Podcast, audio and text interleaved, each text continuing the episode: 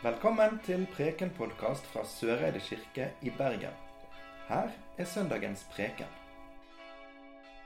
Det var mange mennesker som holdt seg nær Jesus og var mye sammen med han.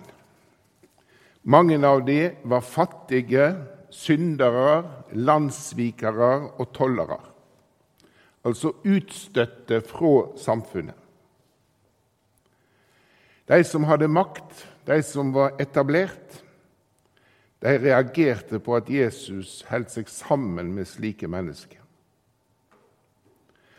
Og Det er mot denne bakgrunnen at Jesus forteller tre fortellinger til de som hører på.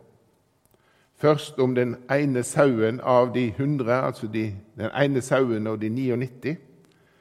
Så forteller han om sølvpengen som var borte. Og så møter vi den fortellinga som er dagens evangelium. Og Det står i Lukasevangeliet kapittel 15. Jesus sa en mann hadde to sønner. Den yngste sa til far sin, 'Far, la meg få den del av formuen som faller på meg.' Så skifta han eiendommen sin mellom dem. Og Ikke mange dagene etter solgte den yngste sønnen alt han eide, og dro til et land langt borte. Der levde han et vilt liv og sløste bort formuen sin. Da han hadde sett alt over styr, ble det uår og svolt i landet, og han tok til å lia nau. Han gikk da til en av mennene der i landet og ba om arbeid, og mannen sendte han ut på markene sine for å gjete grisene. Han ønskte bare å mette seg med de belgfruktene som grisene åt, men ingen gav han noe. Da gikk han i seg sjøl og sa:" Hvor mange leigekarer heime hos far min har ikke fylt opp av mat, og jeg går her og svelter i hjel. Jeg vil bryte opp og gå heim til far min og sie:" Far, jeg har synda mot himmelen og mot deg. Jeg er ikke verd å kalles sønnen din lenger, men lat meg få være som en av leiekarene dine. Så braut han opp og gikk hjem til far sin. Medan han ennå var langt borte, fikk faren sjå han, og han fikk endelig medkjensle med han. Han sprang imot han, kasta seg om halsen på han og kysta han. Da sa sønnen, Far, jeg har synda mot himmelen og mot deg. Jeg er ikke verd å kalles sønnen din lenger. Men faren sa til tjenerne, skund dykk, finn fram de beste klærne og ha dem på han, og lat han få ring på fingeren og sko på føttene. Hent så gjøkalven og slakt han, og lat oss holde måltid og feire. For denne sønnen min var død, og han har blitt levende. Han var bortkommen og er attfunnen. Og så tok festen og gleda til. Slik lyder det hellige evangeliet.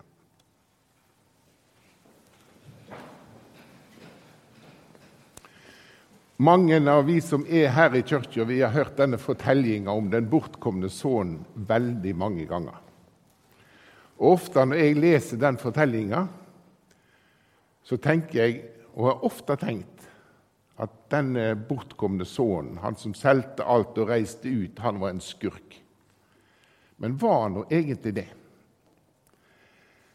Jeg er jo far og har voksne barn, og jeg må jo si jeg er glad for at de har reist ut, jeg for min del. Tenk om de ikke hadde gjort det. Det er jo det vi vil som foreldre, at barna våre skal vokse opp, ha oppdrift og pågangsmot og reise ut i verden og gjøre erfaringer og, og leve sitt liv. Det er jo det vi ønsker som foreldre. Og Det var det denne her sønnen gjorde i utgangspunktet. Og Så gjorde han jo noen dårlige valg underveis. Det må vi innrømme. Han brukte for mye penger. Men det var jo enda muligheter for å berge seg i land inntil det kom uår i landet, eller renteauke og inflasjon og alle disse tingene som vi kjenner til. Altså faktorer utenifra som gjorde at han havna i et skikkelig uføre. Og sånn som det er skildra når han kommer som jøde så langt ned at han faktisk var nødt til å gjete griser så går det ikke an å bli fornedra mer enn det. Men når han er der, så skjer det noe. Det står beskrevet veldig fint i denne likninga. Han kom til seg sjøl. Ja, han fikk oppdaga hvordan det stod til, hvor han var hen i livet sitt.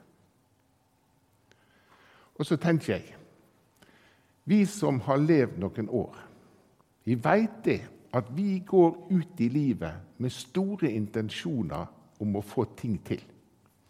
Og vi gjør så godt vi kan. Og jeg tror mange av oss har opplevd De synger når sola står opp. De bygger reir når eh, dagene blir lengre. Og de uroer seg ikke for morgendagen. Når dagslyset minka utover høsten, så reiser de i flokk og følge sørover og satser på at de overlever flyturen. På samme måte bruker Jesus blomstene på marka når han snakker om kle. Han, han, ber oss om å se på en blom, hvor vakker den er. Og Den er skapt så vakker av Gud for å stå og lyse den ene dagen. Og Det er ikke sikkert det er noen som kommer til å se den blomen hvis den er inne i en skog eller oppå et fjell. Men naturens overflod viser det vakre for den ene dagen. Og disse til Oslo. Men jeg kan enda kjenne lukta i inngangspartiet til det huset som foreldrene mine bodde i. Jeg veit hva gulvbelegg det er, jeg veit hva hylle det er, jeg veit hva lamper det er. Jeg veit hvordan atmosfæren er i det huset. Og jeg veit hvordan foreldrene mine ville tatt imot meg når jeg kom hjem. Og Jeg tror det er mange av oss som har sånne bilder av heimen der vi vokser opp. Og så er det jo sånn at noen av oss har også kanskje litt vanskelige minner fra heimen. Det er òg en del av det livet som vi lever. Så har jeg tenkt mye på det denne veka når vi har hatt 50-årsjubileum for Søreide eh, kirke. Hva er det egentlig vi holder på med når vi driver og styrer med denne menigheten, enten vi har det som jobb eller vi engasjerer oss frivillig? Ja, jeg tenker at vi er med å skape minner for folk. Bilde av et hus og bilde av en heim. Og jeg har møtt mange mennesker som ikke er, bor på Søreide lenger, men som har en eller annen slags løs tilknytning til Søreide kirke. Og så får vi fortellinger. Ja, jeg var med i jubiliten, og jeg var med i jubilatet, og jeg husker konfirmasjonstida mi her. Og jeg husker det ene og det andre. Og så blir Søreide kirke et minne om en heim om en plass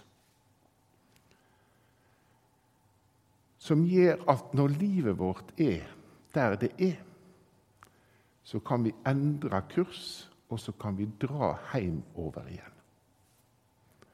Og Noen her i kirkelyen sier jo til meg at Søreide kirke det er mitt andre hjem. sier de. Og Det tenker jeg det er så fint å høre.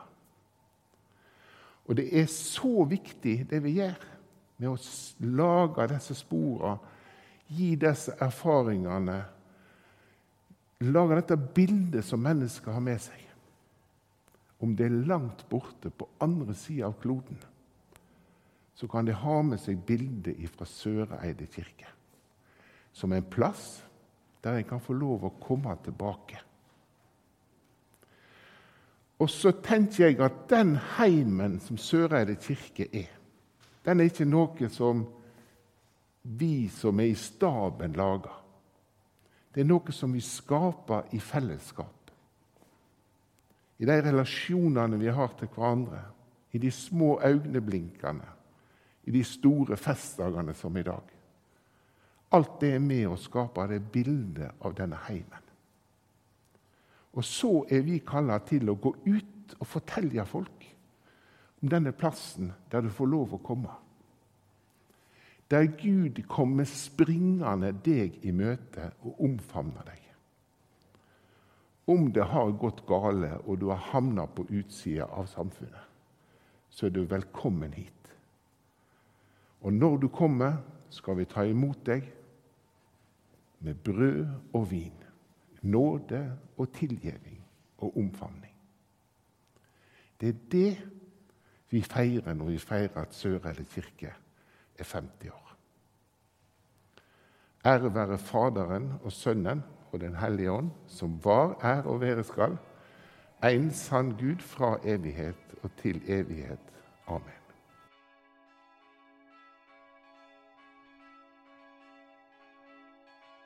Du har nå hørt Preken-podkast fra Søreide kirke i Bergen.